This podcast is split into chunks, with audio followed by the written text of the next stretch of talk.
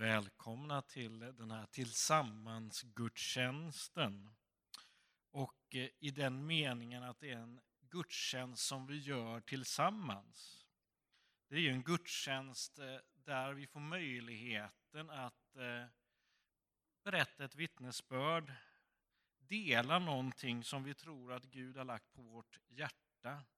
Och det är möjlighet att vi ber tillsammans för det som vi ser som viktigt, att vi har möjlighet att be för dig, för det du tycker är viktigt. Det är gudstjänsten idag.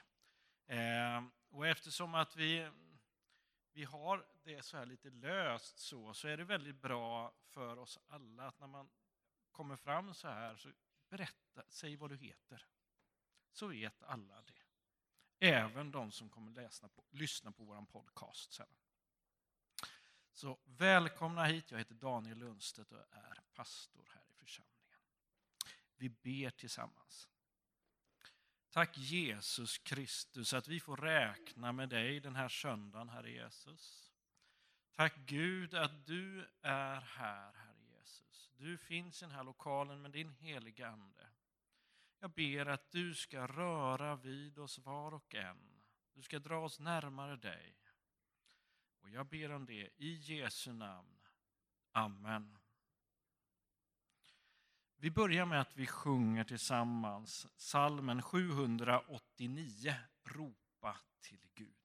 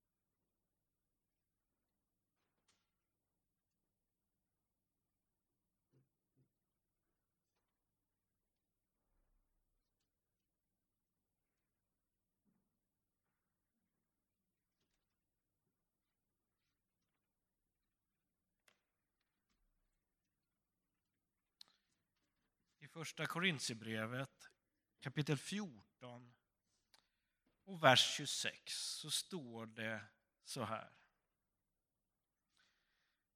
Vad innebär nu detta? Jo, att när ni samlas har var och en något att bidra med. Sång, undervisning, uppenbarelse, tungotag eller uttolkning. Men allt ska syfta till att bygga upp. I församlingen i Korint så var det lite problematiskt för att det var väldigt oordning. Därför skrev Paulus det han skriver i första Korintierbrevet. Men jag tänker för våran del där ordning är egentligen det som är det viktigaste. Om jag nu ska tolka vårt sätt att fira gudstjänster. Så finns det utrymme för mer. Och därför är det här ordet också till oss. Så att när ni samlas har var och en någonting att bidra med. Sång, undervisning, uppenbarelse, tungotal eller uttolkning. Men allt ska syfta till att bygga upp. Och jag ser det som så att eh, jag, jag har ju förmånen att söndag efter söndag se på er. Tala härifrån flera gånger. Och det jag ser, det är ett antal ljus som lyser. Ljus som eh, sprider värme. Ljus som delar den här värmen till andra människor. Som delar detta i gudstjänstlokalen, som delar det vid kyrkfika, som delar det på andra samlingar i kyrkan, men som delar den värmen till vänner och bekanta på arbete och så. Det är fantastiskt. Det är så jag ser på er. Ni är ljus som sprider värme runt omkring er. Och det är gott när jag ser på er. Vi sjunger nu tillsammans eh, sången Jesus det skönaste, psalm 375. Och sen börjar Fredrik Videhäll det här, lite av det här vittnesbörd och delgivning tillsammans med oss. Men vi sjunger och vi riktar oss till Jesus tillsammans.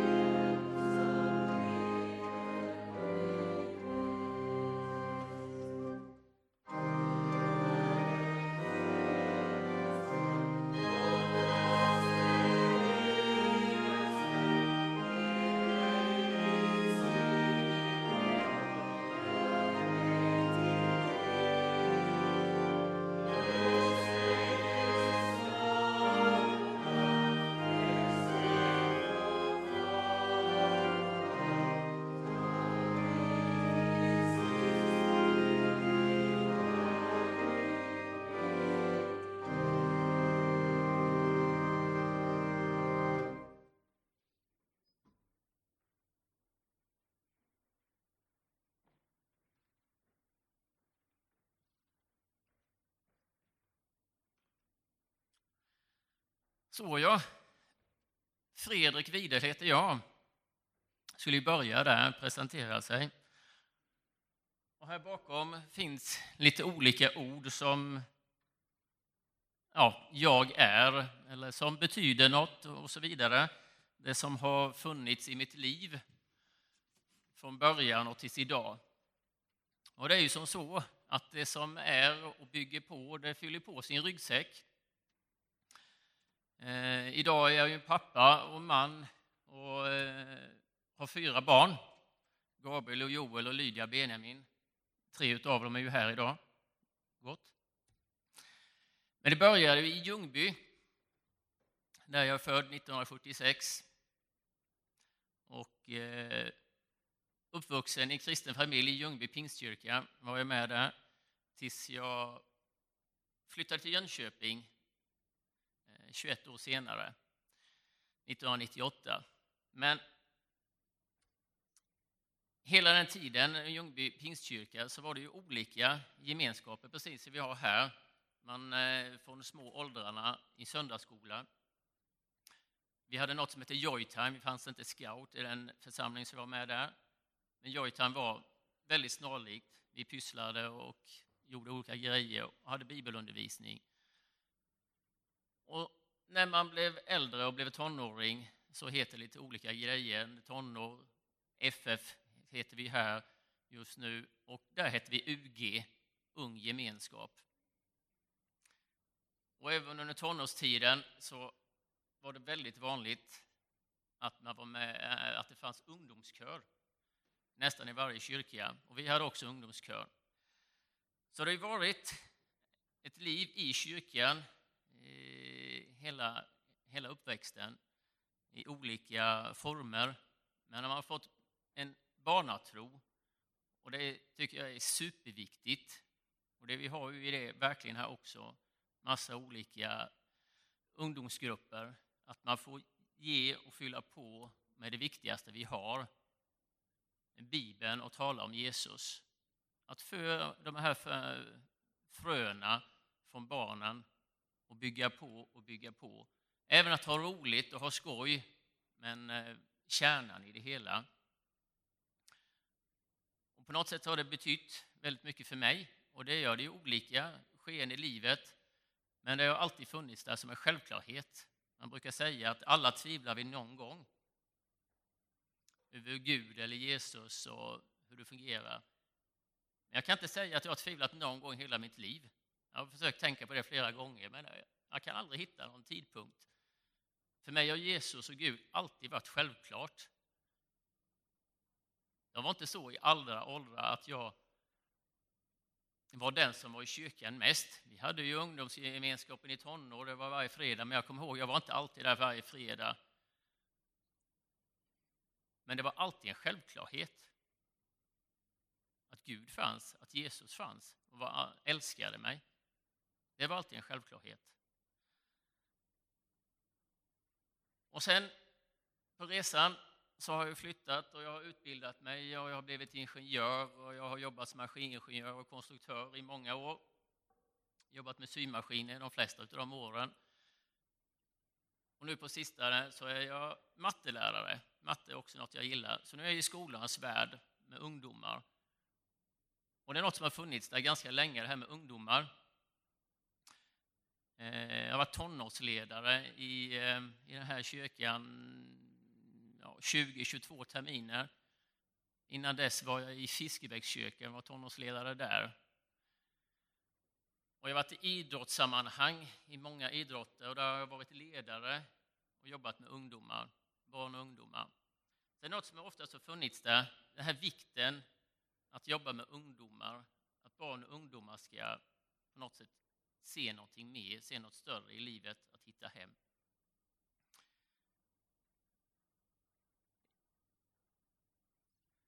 Precis, det var den sliden där, den har kommit fram.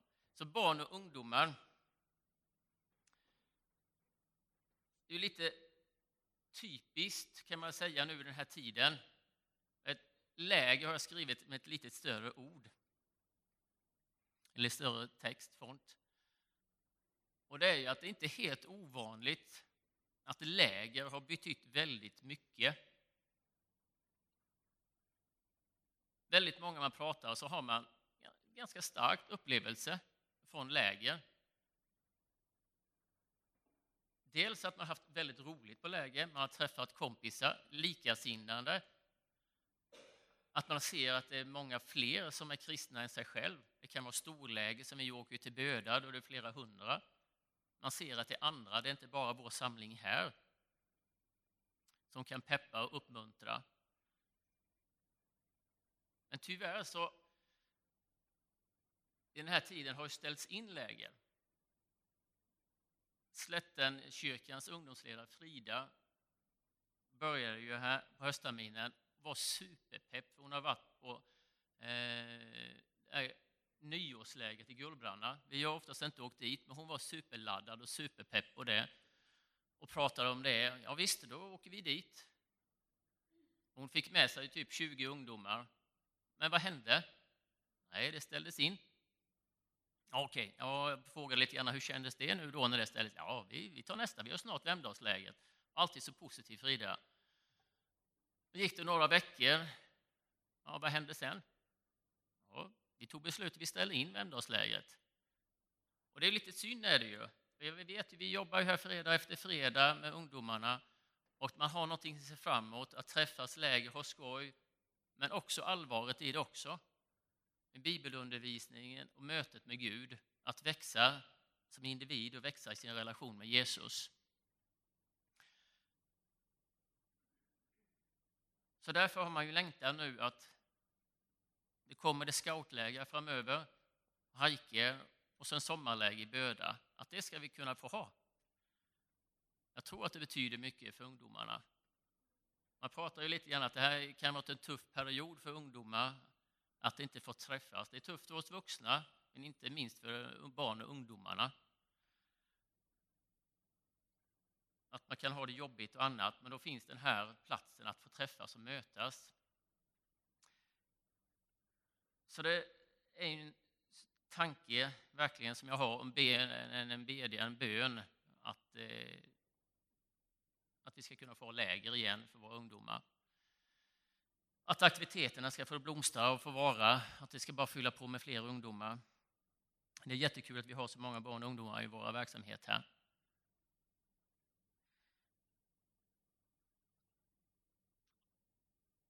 Men det är ju inte bara barn och ungdomsverksamheterna som vi tar att träffas för att bli fler och fler och så, utan det handlar om något viktigare också. Och det är ju att beslutet att säga att ja, Jesus, jag vill leva med dig, att bli frälst. Det är ju den egentligen, som jag har sagt flera gånger på andakter på eh, tonår, som vi kallar FF, Fisherman's Friend, och det betyder på engelskan fiskarens vän, och Jesus var ju fiskare. Men flera gånger jag har sagt det att ja, det är därför jag är på FF, det är därför jag är på tonår. För jag vill visa vägen på Jesus, att det finns något viktigare här i livet. Det är superkul, vi har väldigt mycket roligt, vi har skoj och vi umgås. Men det är inte det viktigaste. Det finns någonting i hjärtat som hela tiden kommer finnas ett tomrum innan man har hittat Jesus. Så det är fokuset att ta emot honom. Och det var det som var så fantastiskt. Utav någon anledning, ja det vet jag ju anledning, men jag var inte med i fredags, men Daniel var där, pastorerna var där. Och två tjejer tog emot Jesus och blev frälsta. Det var en vanlig fredag, det var ingen, inget läger. Men Jesus är där helig helige Ande är med. Och det är underbart att få höra när Frida skrev det på natten och jag var vaken. Det är därför vi har våra samlingar. Så fantastiskt. Tack ska du ha Daniel för att du var där. Och det är ju som så att det är ju inte bara, jag har ju längtan för barn och ungdomar, men det finns ju andra också. Kan ta nästa. Det finns ju andra som inte har hittat hem också. Det är inte bara ungdomarna och barnen i vår bygd som man ska lägga fokuset på. Jag tycker det är jätteviktigt, men det finns ju de här också. De som är runt omkring här i bygden här, som söker. Otroligt många som söker i allt möjligt. Det finns en låt som heter There is none like you som är skriven av Lenny LeBlanc. Ingen är som du. Jag tycker det är så grymt talande, eh, den meningen han sjunger där. Jag kan söka i all evighet och se, ingen är som du. Och det är så sant. Det finns så mycket man kan söka i, i lycka och pengar, andra religioner, new age, tarot, sia, allt möjligt. Man kan söka och söka och söka. Det finns många böcker som är skrivna där stora ledare i andra religioner har sökt och sökt och blivit eh, högt uppsatta. Men det har känts, jag hittar inte det. Jag hittar inte det jag söker. Förrän man har hittat Jesus och allting faller på plats. Och jag är helt övertygad om att det är så att Gud har skapat oss så. Det är ju det han vill ha. Han vill ju ha relationen med oss. Det är därför han har skapat oss. Men vi har ju den fria viljan att säga ja. Det är inget tvång, han har inte gjort oss till robotar. Men det är ju det han vill. Han vill ju att vi ska säga ja och leva med honom. Så det är min andra stora önskan och längtan. Ta nästa där. Att tänka på vår nästa. Det finns otroligt många sätt vi kan göra det på. Ett är det som är i mitten, att be. Be för vår granne, be för vår nästa. Vi är ju vår nästa och vi har hittat hem. Vi har sagt ja. Men det finns jättemånga här i Taberg, Månsarpen och Hammar som inte har gjort det. Det är jättesvårt att veta. Bara för att man inte är med i församling så kan man ju hitta ett hem. Man kan leva en relation med Jesus ändå. Men på något sätt en önskan att, att vi ska bli fler, ha den här gemenskapen, att växa, uppmuntra varandra, bygga upp varandra.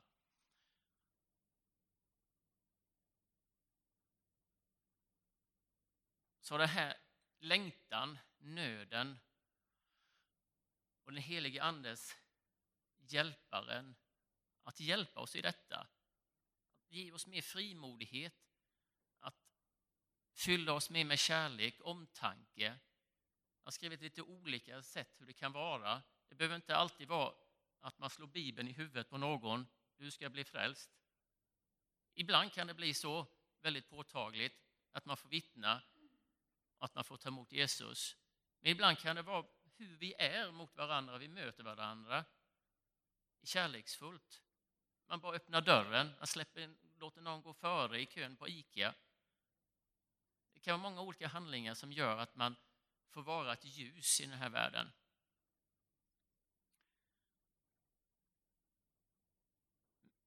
Men be för din nästa tror jag är superviktigt. Jag kan bara nämna en liten grej, just det här med sökandet till vår nästa. Jag jobbar ju nu på Ljungarumsskolan och där var det eh, bara här i veckan en lärare som är lite som min mentor. Och helt plötsligt började han prata om det här. Jag går ju alltid med mitt kors och det är både elever och lärare och andra som, ja, det behövs inte så mycket. För det finns ju någonstans där sökande, så börjar man prata om det. Och så lite grann, ja fast jag, jag tror ju inte så. Jag tycker det är fint med kyrka, jag tycker det är fint med bröllop och jag tycker det är fint med begravningar. Och man pratade. Men jag märker ju att det finns ju där. Så det kändes som att där var en öppning, så där kommer jag ju fortsätta nu då.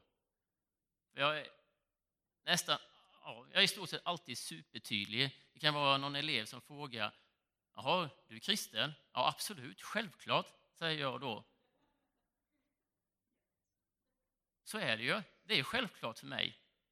Och det är det jag önskar då ju att lite små grejer, för jag kan ju inte stå där och ha bibelundervisning när jag är mattelärare. Det funkar, jag får inte göra det. Men om jag får en fråga får jag ju svara och det gör jag mer än gärna då ju. Det kan vara sitta och äta lunch med dem i pedagogisk lunch. Och så kommer det in och så pratar man. Och vissa, men jag är också kristen. Ja, det är perfekt, säger jag. Underbart. Och sen har de kommit, ja, men jag... Nej, men det är så. Jesus är det viktigaste i livet, säger jag bara då. Att det är lite det här tydliga också. Att inte behöva skämmas. Det var Paulus jättetydlig med också. Vi har ju fått detta. Vi ska inte behöva stå bak, stå bak utan vi har ju det viktigaste i livet. Att delge det till andra, det är ju, det är ju vår missionsbefallning. Så jag vill avsluta med att vi ber alla tillsammans, för våra barn och ungdomar, för den här gemenskapen vi har, att tacka för den, men också att vi ser alla där ute, att vi vågar konfrontera vår nästa, att hjälpa dem hitta hem. Tack kära Far i himmelen att du älskar oss så mycket Jesus. Tack att du ser alla som är här och samlats inför dig idag Jesus. Tack att du rör oss alla. Du rör våra hjärtan. Lägger ner en nöd och en längtan för människor som inte har hittat dig än Jesus. Tack Jesus att du ser att vi har olika gåvor. Vi är unika allihopa. Vi är på rör oss på olika platser, olika jobb och olika fritidssysselsättningar. Men ett är säkert, vi träffar andra människor som inte har hittat hem. Hjälp oss helige Ande att vara vägvisare. Du Jesus är vägen, sanningen och livet. Låt oss få vara dina medhjälpare här på jorden Jesus. Så att vi får bara bli fler och fler som hittar hem till dig. Så som du har skapat oss Herre. Tack Jesus att du ser alla barn och ungdomar som vistas i de här lokalerna Herre. Låt dem få känna att det är något extra. Att du älskar dem Herre. Låt dem få känna det, att de är älskade utav dig Herre. Oavsett vilken ålder så lämnar du oss aldrig Herre. Tack Jesus att du är med oss varje dag.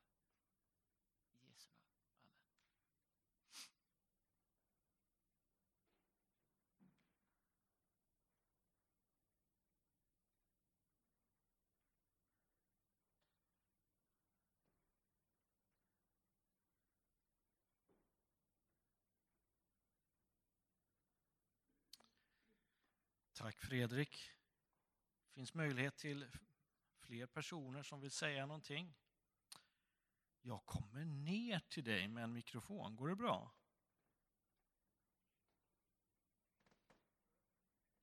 Fungerar det?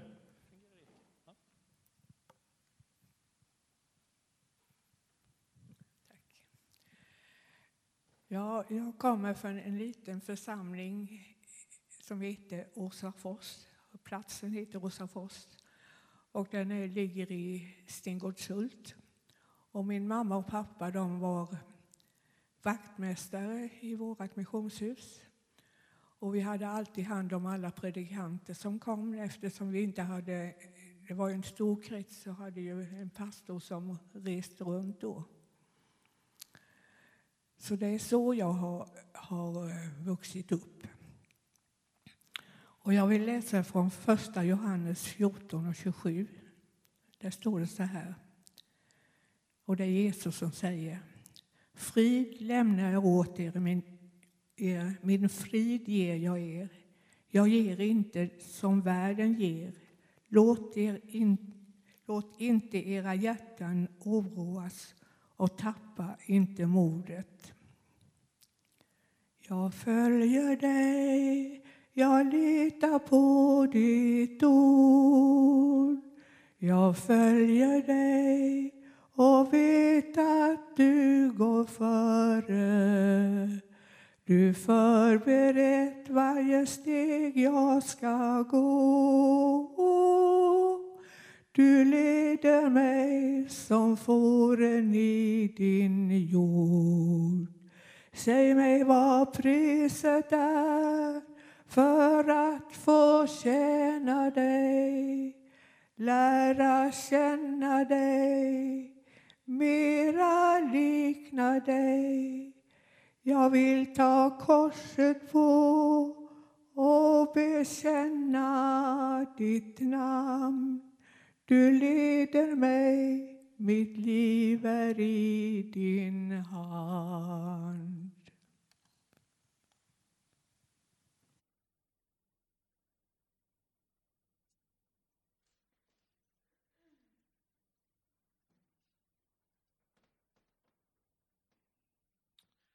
Tack så jättemycket Kerstin. Gott att höra. Vi sjunger tillsammans, ska vi göra nu, i psalm 636. Och där sjunger vi om Guds stora trofasthet. Under tiden som vi eh, sjunger eh, den salmen så ska vi också ta upp en insamling till församlingens arbete. Swishnumret kommer upp på skärmen. Är det så att du har kontanter så lämnar vi dem på vägen ut sen. Men vi sjunger nu om Guds stora trofasthet. Och sen fortsätter vi att dela tillsammans.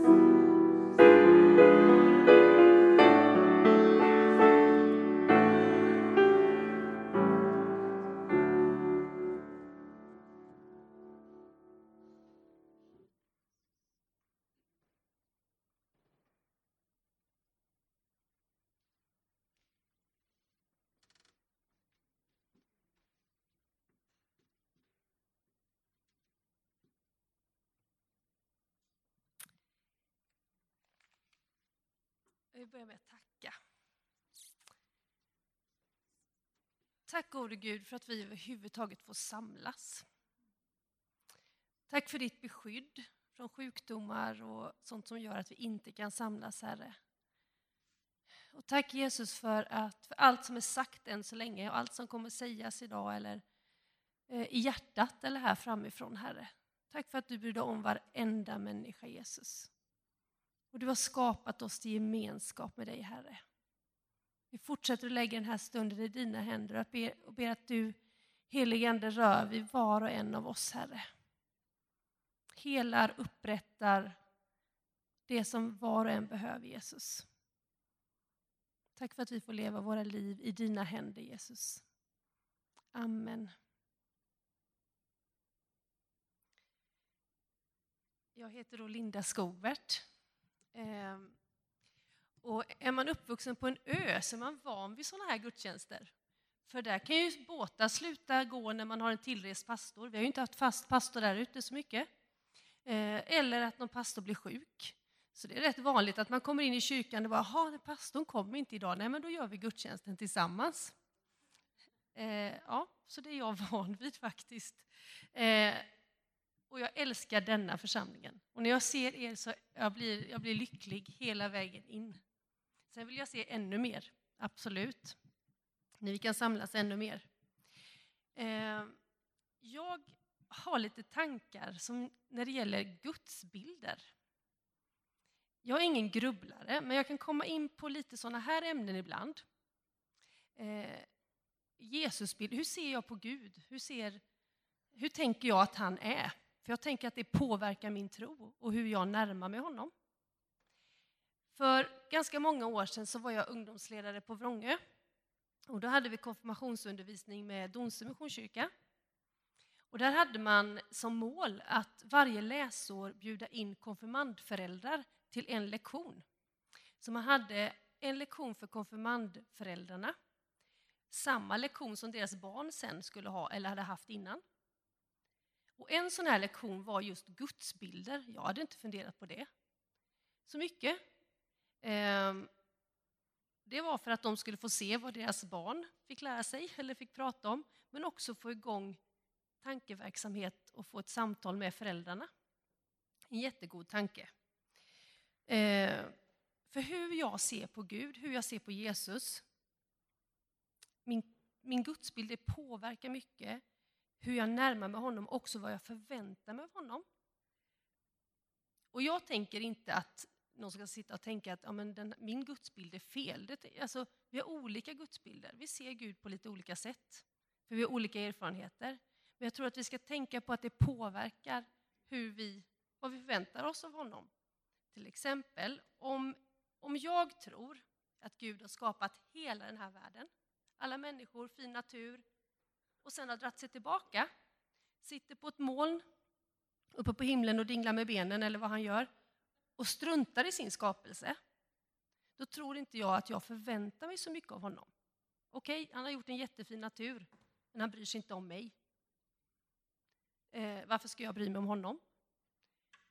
Om jag tänker att Gud har skapat hela världen, alla människor, naturen, han har gett oss så mycket gott. Men han har också valt att vara kvar, sända sin son, vara delaktig varje dag, hela tiden. Ehm, och att han är verksam idag. Då tror jag att jag förväntar mig mer av Gud. Min gudsbild, och jag tror de flestas gudsbilder, ändras ju lite med åren. När jag var sådär 15-20 år, när jag inte riktigt kommit upp i de åldrarna, då fanns det en lovsång med en strof som löd Använd mig Gud som du vill. Använd mig Gud som du vill. Jättefin lovsång, men jag kunde inte sjunga i den. Så jag var tyst när den strofen kom. För jag vill stå för det jag sjunger för. Ehm, jag ville ge hela mig själv till Gud, det vill jag verkligen, verkligen. Ehm, men jag var samtidigt rädd. För jag trodde att om jag sa till Gud, du får ta hela mig, så skulle han göra precis vad han ville med mig. Det var hans vilja som gällde, inte min överhuvudtaget. Eh, och han skulle ta beslut runt mig som jag inte skulle tycka om. Och det värsta jag kunde tänka ut, det är det faktiskt fortfarande, hemskt ledsen att säga det, det var att Gud skulle sända mig, om jag sa ta hela mig, använd mig, så skulle han sända mig till yttre Mongoliet. Vet inte ens om det finns något sånt. Men det var så långt bort jag kunde komma på. Ingen pratar svenska. Min mamma finns inte där. Eh, massa läbbiga djur, spindlar, ormar och sånt som jag inte gillar. Det var min bild av Gud. Han var inte elak, han bara tänkte där behövs det verkligen folk som pratar om Gud och Jesus. Så då skickar vi Linda dit. Men vid något tillfälle så var det någon vänlig själ, någon vänlig person som sa till mig att men Linda, Gud jobbar med dig, inte mot dig. Han lägger ner gåvor i dig. Han lägger ner önskningar. Han lägger ner längtan i dig. Och det vill han använda. Hade det varit meningen att du ska till yttre Mongoliet, då hade du fått en längtan dit och en nöd för de människorna där. Men troligtvis är det inte dit du ska. Eh, mm. I Bibeln så står det i Saltaren 34 och 9. Smakat och se att Herren är god. Och i Jakobsbrevet står det att Gud har bara goda gåvor. Min gudsbild idag är inte riktigt likadan. Det handlar om att Gud faktiskt är god.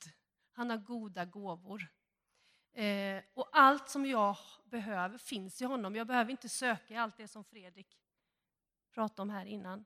Allt det goda som vi behöver, allt vi behöver finns i honom. Eh, så det är min gudsbild idag, men också att Gud är på varje enskild människas sida. Han är inte emot oss, han är för varenda en, inte bara mig. Det här gäller inte bara mig, det gäller alla människor. Så tänker i alla fall jag. Så fundera gärna på vilken bild ni har av Gud. Eh, och det får jag också göra. Får revidera den ibland och tänka, mm, kanske, nej, Bibeln säger ju att han är allsmäktig. Bibeln säger att han lever idag. Bibeln säger, läs Bibeln, vad säger de om Gud? Vad säger de om Jesus? Och våga lita på att det är sant.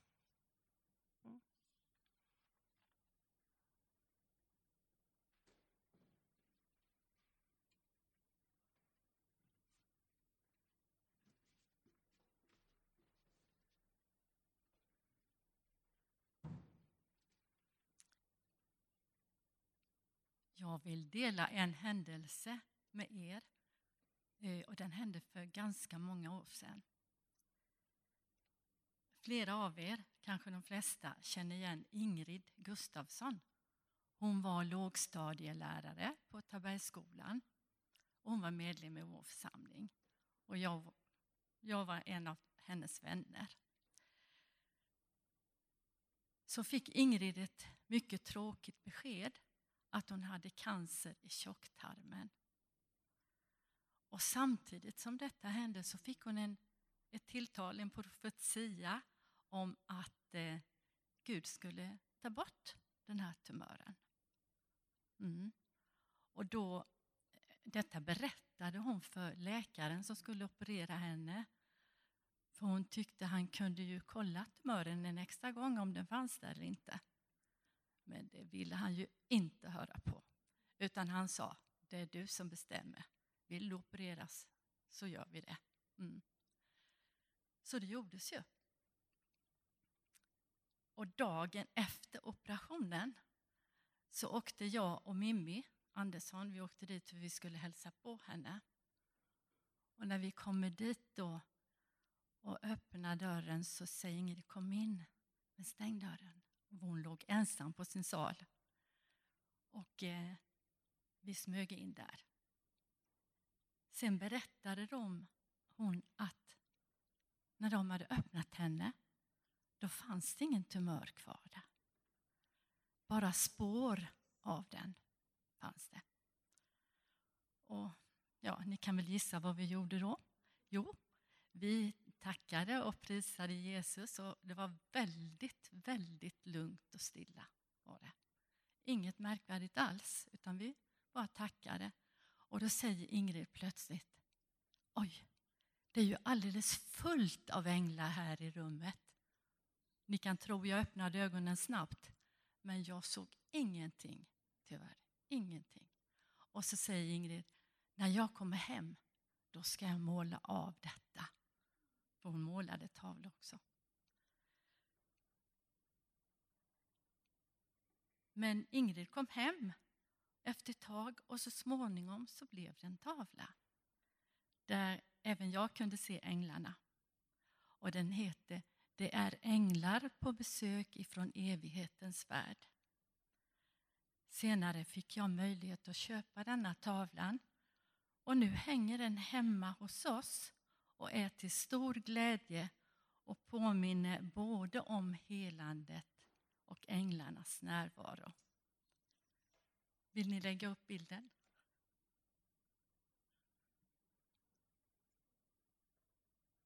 Ja, det kanske inte är så tydligt, men eh, där kan ni se änglarna. Och eh, det är Ingrid som sitter med, eh, som är röd och sitter med ryggen mot betraktaren. Och sen är det Mimmi då som är väldigt frimodig och lyfter sina händer. Där hon har grön klänning. Och jag är lite försiktig så jag sitter lite så här. Och eh, jag tycker det är en stor glädje för mig att ha den. Och ehm, eh, jag har fotat av den. Så om ni på kyrkkaffet så vill så kan ni få titta lite noggrannare på den om ni vill. Men nu tycker jag det passar att vi sjunger Glöm inte bort att änglarna finns, att de är här för att se hur du har det. Och de kan hjälpa dig fast de inte syns. Glöm inte bort att änglarna finns. Vi kan väl sjunga den ett par gånger.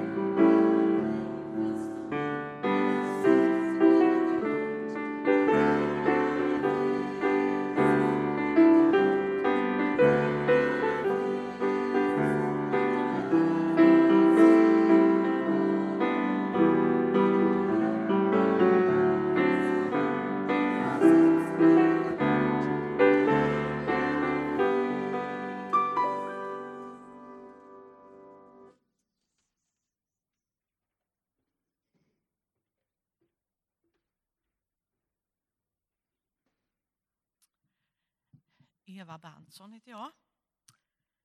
Eh, nu är det ju snart eh, årsmöte och valberedningen har jobbat och anser sig nog snart att de har avslutat sitt jobb fastän det finns många tomma rader. Eh, det grunnar jag mycket på och kan känna bekymmer över ibland. Igår när jag plockade bland alla mina tidningar och papper hemma så eh, kom det fram en sändaren. Den är, nog, ja, den är ganska färsk. Där Rune V Dahlén, han är pastor, han har varit lärare på Teologiska högskolan, mycket författare och sen är han krönikör i sändaren. Han har skrivit en krönika När någon hittar sin uppgift. Jag har en hemlig passion. Det är att titta på Youtube-klipp från tv-program liknande Talang. Men helst från den amerikanska eller brittiska förlagan. Och det ska vara klipp som visas minst 10 miljoner gånger. Men gärna det dubbla eller tiodubbla. Där står en människa, kanske för första gången i sitt liv, på en stor scen och är hur nervös som helst. Men så börjar hon sjunga. Och efter bara några takter kommer de första applåderna. Och efter en halv minut står publiken upp och jublar. En ny talang har blivit upptäckt. I bästa fall har en ny stjärna fötts. När jag ser sådana klipp sitter jag ofta, får jag ofta tårar i ögonen och ett leende på läpparna. Jag blir så innerligt glad och tänker på hur fantastiskt det är att personen vågade bryta med sin egen blyghet och rädsla. Kanske också sin egen känsla av otillräcklighet och oförmåga och nu får komma ut och glädja andra. De här klippen har jag ofta i tankarna när jag nyligen skrev en bok om längtan och kallelse. Om en människa hittar sin gåva och sin kallelse står sällan hundratals människor upp och ropar av, av hänförelse. Men jag ser framför mig hur Guds änglar hoppar av glädje medan de jublar och applåderar. Jag har ägnat stora delar av mitt liv åt frågor om kallelse till diakon och pastor. Men tro inte att jag menar bara sådana kyrkliga uppgifter när jag skriver om kallelse.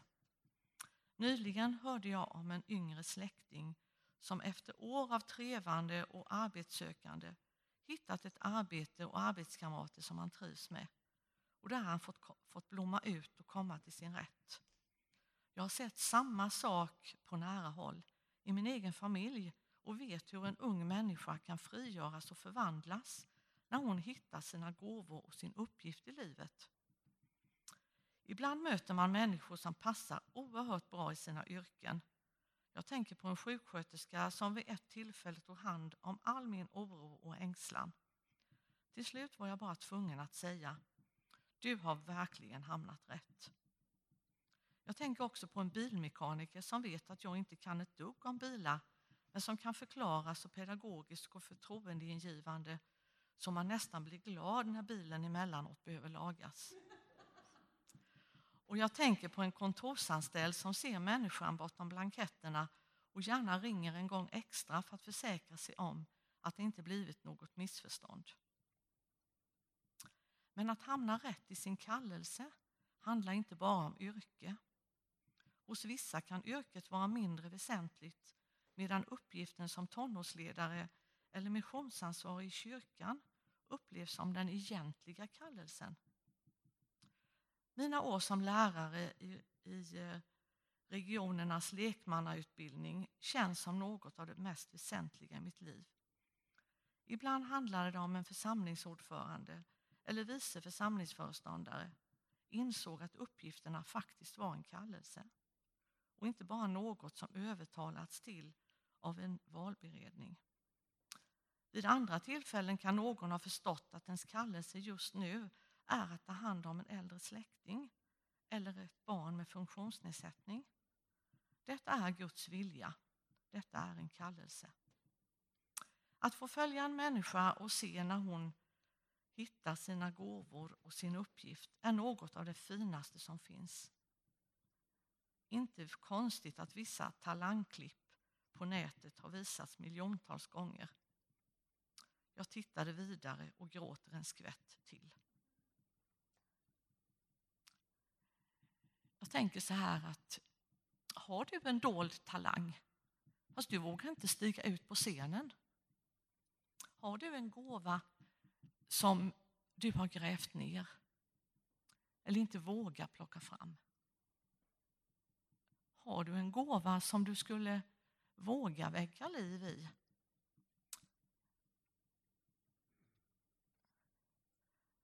Man kanske inte är den där som räcker upp handen. Jag skulle vilja vara med i talangtävlingen. Jag tror att jag kan sjunga.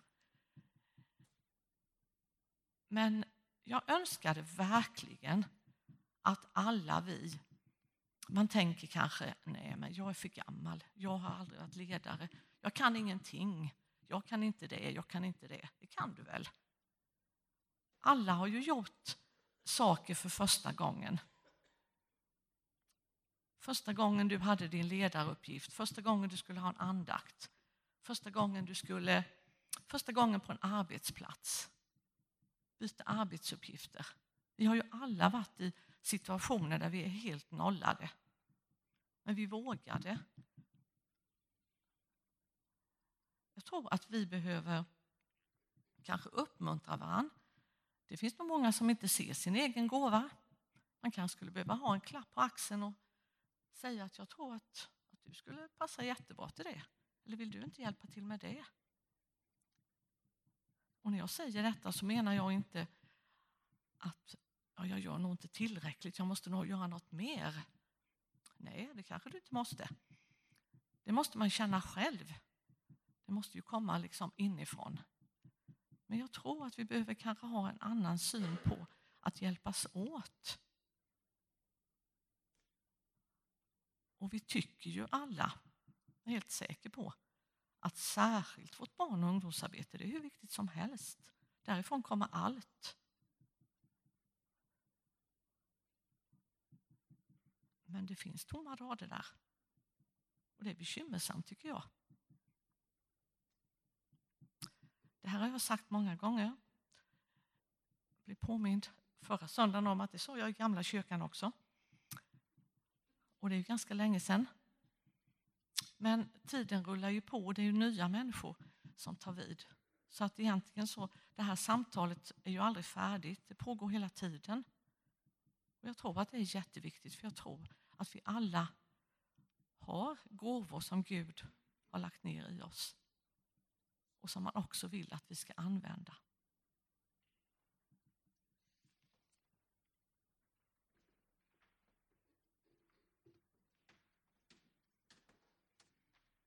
Jesus Kristus, jag vill tacka dig Gud för att eh, du ser oss var och en. Där vi har våra talanger, vårt, liksom det vi kan, Herre Jesus. Du ser det vi har på vårt hjärta, Herre Jesus. Du ser det vi gömmer, det som vi har svårt att ta fram, Herre Jesus. Gud, jag ber att du med din heliga Ande rör vid våra hjärtan. Dra fram det som är viktigt, Herre Jesus. Jag ber om det. I Jesu namn. Amen.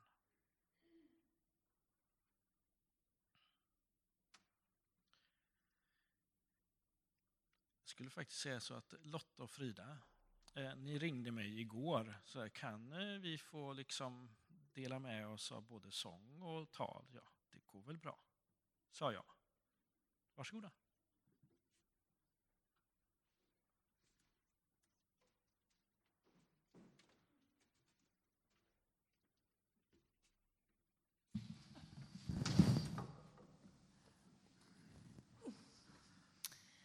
Jo, men precis. När... Nu rundar det här. Så. Um, när Daniel ringde och, och sa att men, det finns möjlighet att få dela lite eh, på söndag, då kände jag så här, ja, kanske man skulle göra. För det finns vissa bibelord som har fått följa mig mycket under de gångna åren när det varit lite stormigt liksom på, på jobb kanske eller så. Och det är samma bibelord som Kerstin precis läste. Eh, Johannes evangeliet 14 och 27, då läser jag från folkbibeln. Frid lämnar jag åt er, min frid ger jag er. Jag ger er inte det som världen ger. Låt inte era hjärtan oroas och tappa inte modet. Så varje morgon en, en, tid så var jag tvungen att läsa det här eh, bibelordet. Låt inte era hjärtan oroas och tappa inte modet. För det var väldigt nära att jag tappade modet eh, eh, varje morgon. Så då var det här ett, ja, inte kanske livsviktigt låter vi kanske ta i, men det kändes som att det var livsviktigt för att jag skulle kunna komma iväg till jobbet. Och jag hade även ett till bibelord som jag läste då efter detta. Det var från Ordspråksboken 3, vers 5-6. Förtrösta på Herren av hela ditt hjärta Förlita dig inte på ditt förstånd. Räkna med honom på alla dina vägar, så ska han jämna dina stigar. Det här blev som ett hopp liksom för mig, att ja, men Gud kommer liksom lösa i det hela. Och, och, så är det ju nästan Lotta då som ringer efter ett tag och säger du Frida, det kommer komma ut en ny tjänst här. Den tycker jag du ska söka. Där kommer du blomma ut. Ja, okej, okay. sa jag. Och, eh, och det gjorde jag ju. Och där fick jag frid. där hamnade jag rätt. Eh, och jag vågar nästan inte hoppas på att det, liksom är, att det är sant, att jag får vara där och bara få känna mig lugn och inte behöva vakna med den här ofriden. Så. Men när det var tufft så kände jag att Gud liksom var där. Han tog min strid. Liksom. Jag gjorde inte det där ensam. Han var med mig hela tiden. Så jag tycker det är starkt. Jag och Kerstin vi har haft samma ord med oss genom åren och jag tycker det är härligt att vi får vi har liksom Guds ord att falla tillbaka till oavsett ålder. Vi tänkte sjunga en sång mer, Här är jag nu. Ni får vara med och sjunga. Det är ju lite så vi gör. Det är lite, lite roligare då. Ja.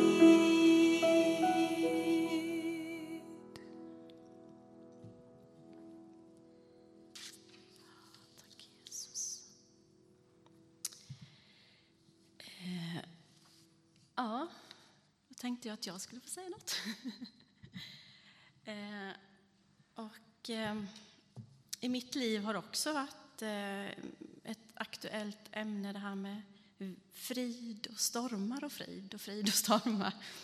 Längtan, eh, mycket storm och längtan efter frid. Eh, och lite faktiskt tänker jag att det går i linje med det Linda vittnade om och pratade om innan, det här vad man har för gudsbild. Men när jag och Frida hade bestämt att vi skulle ha fridens tema och stormens tema här i vårt vittnesbörd så hamnade vi på samma bibelord som Kerstin, som bägge två. Men jag tänkte det är onödigt att vi läser det bägge två. Eh, så igår morse, sådär ni vet när man håller på att vakna, men man inte riktigt är vaken, så, så, så fick jag här till mig det här stället i Matteus, det finns ju fler evangelier, men i Matteus där Jesus stillar stormen. Och då tänkte jag att eh, det ska jag nog läsa. Eh, och det där tycker jag är lite komplicerat. Jag ska läsa det alldeles strax. det står i Matteus 8, 23-27 ska jag läsa. Jag tycker det har varit lite komplicerat.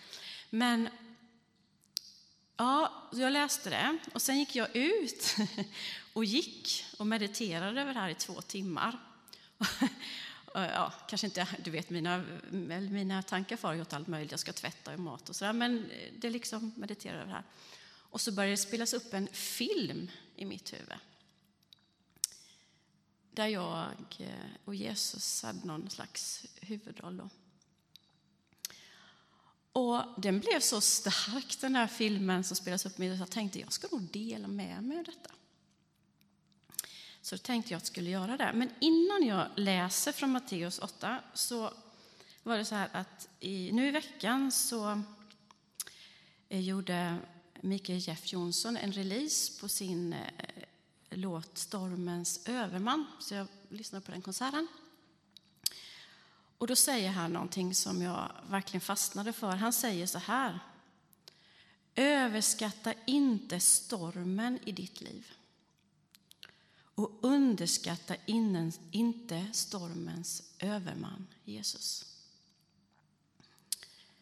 Jag kan bara rekommendera att ni lyssnar på den låten om ni har möjlighet. Stormens överman heter den. Men nu ska jag läsa här från Matteus. Jesus steg i, steg i båten och hans lärjungar följde honom. Då blåste det upp till full storm på sjön och vågorna slog över båten, men han sov. De gick då fram och väckte honom och sa, Herre hjälp mig, vi går under. Han sade, varför är ni så rädda, så lite tro ni har? Sedan reste han sig och talade strängt till vindarna och sjön och det blev alldeles lugnt.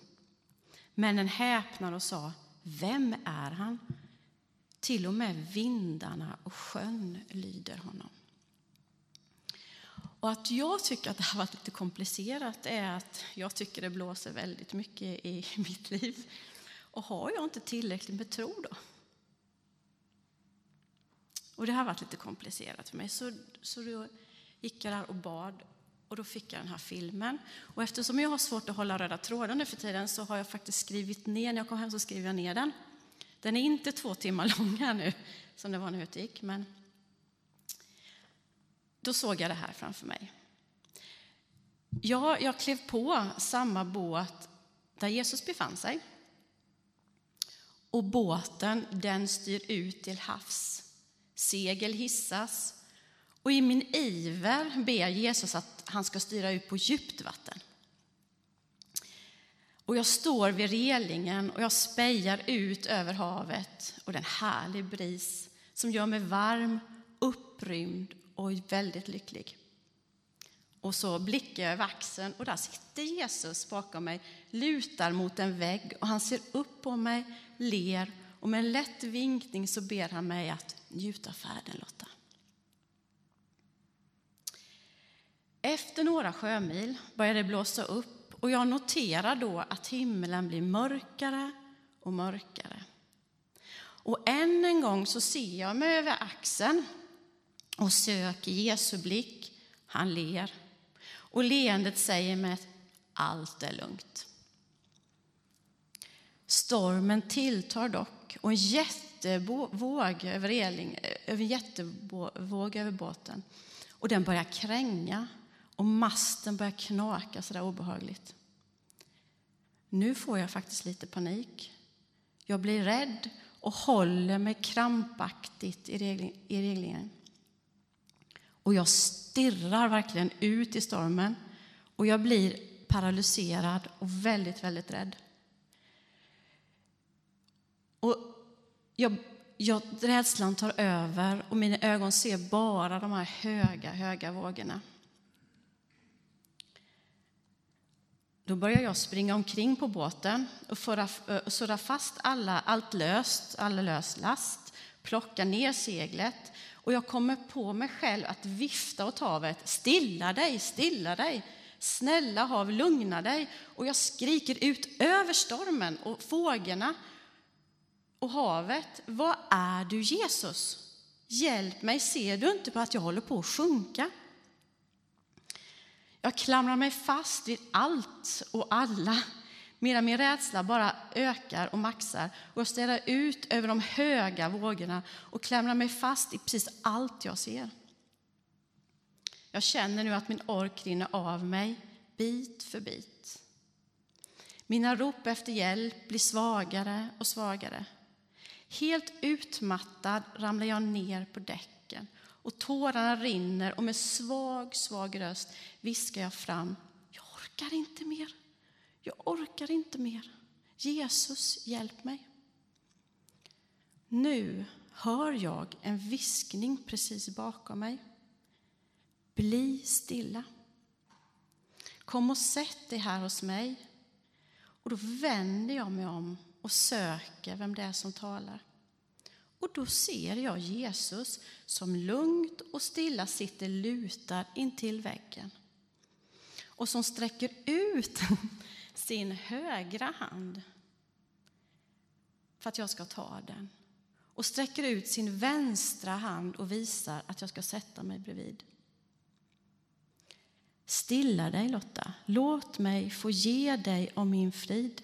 Kom och sätt dig här bredvid. Och jag släpper kramp, mitt krampaktiga tag om den bröte jag håller fast vid och jag tar hans hand. Jag sätter mig tätt intill honom och han omfamnar mig. Jag tittar upp på honom och han ler och, och min krampaktiga rädsla, den släpper. Med tunn och, tröst och trött röst så frågar jag honom varför Jesus? Jag orkar inte med de här stormarna. Jag vill bara ha frid.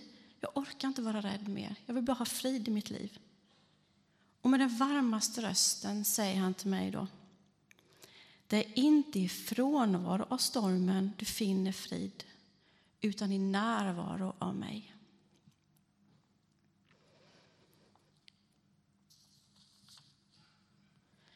Och jag tror att många kan känna igen sig i det här i livet. Att man, när det liksom är lite gott och mysigt så, ja, ah, här är Jesus, jag med. Och sen så börjar det storma i våra liv. Det behöver ju inte vara att det är jättemycket grejer som händer, utan att man blir fullt upptagen av jobb och barn och att det inte går som, det, går som man vill. Och så glömmer man att sätta sig bredvid Jesus. Liksom. Eh, det var det jag ville dela med, med mig till er. Vi kan väl bara be lite.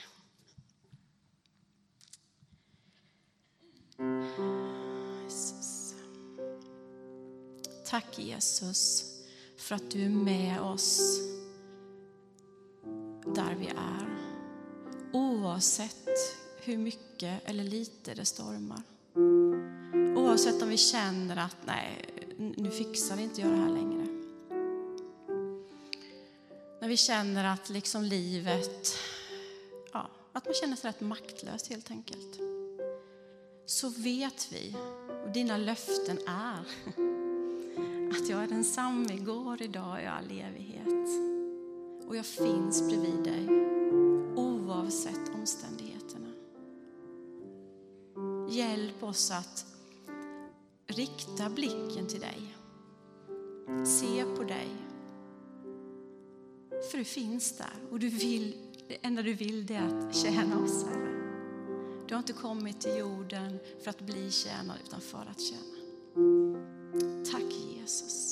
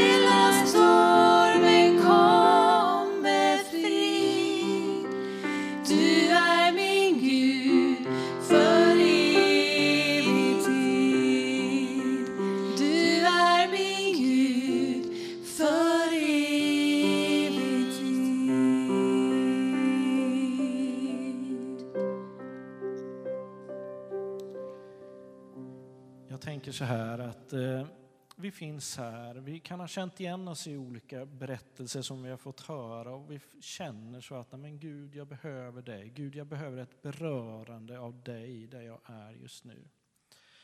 Och jag tänker så här att nu blundar vi allihopa. Jag tittar. Men vi blundar och du som känner, men jag behöver att Gud rör vid mitt hjärta på ett eller annat sätt. Då vill jag att du sträcker upp din hand. Och ska jag be för dig som sträcker upp din hand härifrån. Jag tänker inte nämna namn, men jag kommer be för dig som sträcker upp din hand. Så att Gud ska röra vid dig där du är just nu.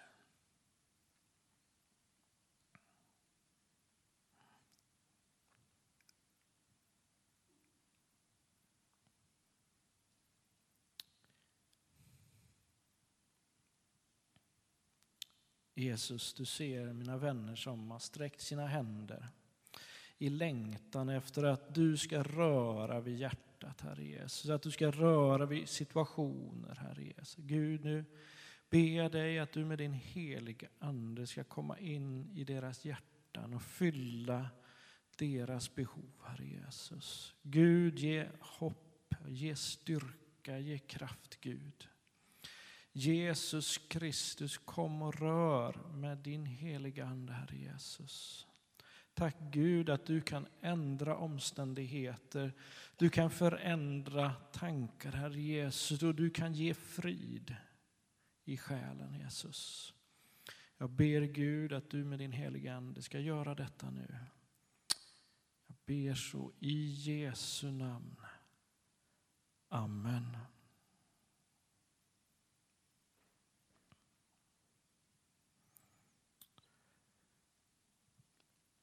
Tack hörni för den här stunden vi har fått ta tillsammans.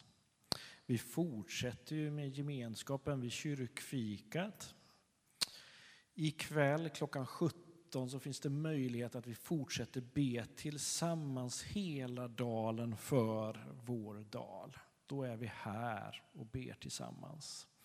Och nästa söndag så kommer Stefan Elg hit, ordförande i Alliansmissionen. Och då kommer vi också be för Alliansmissionen och vi kommer ge pengar till Alliansmissionen. Så, så ser det ut.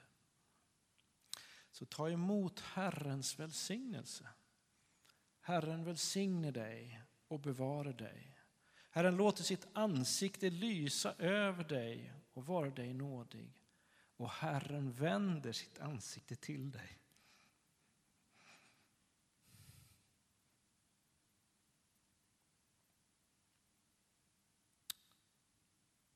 Och han ger dig frid. I Faderns och i Sonens och den helige Andes namn.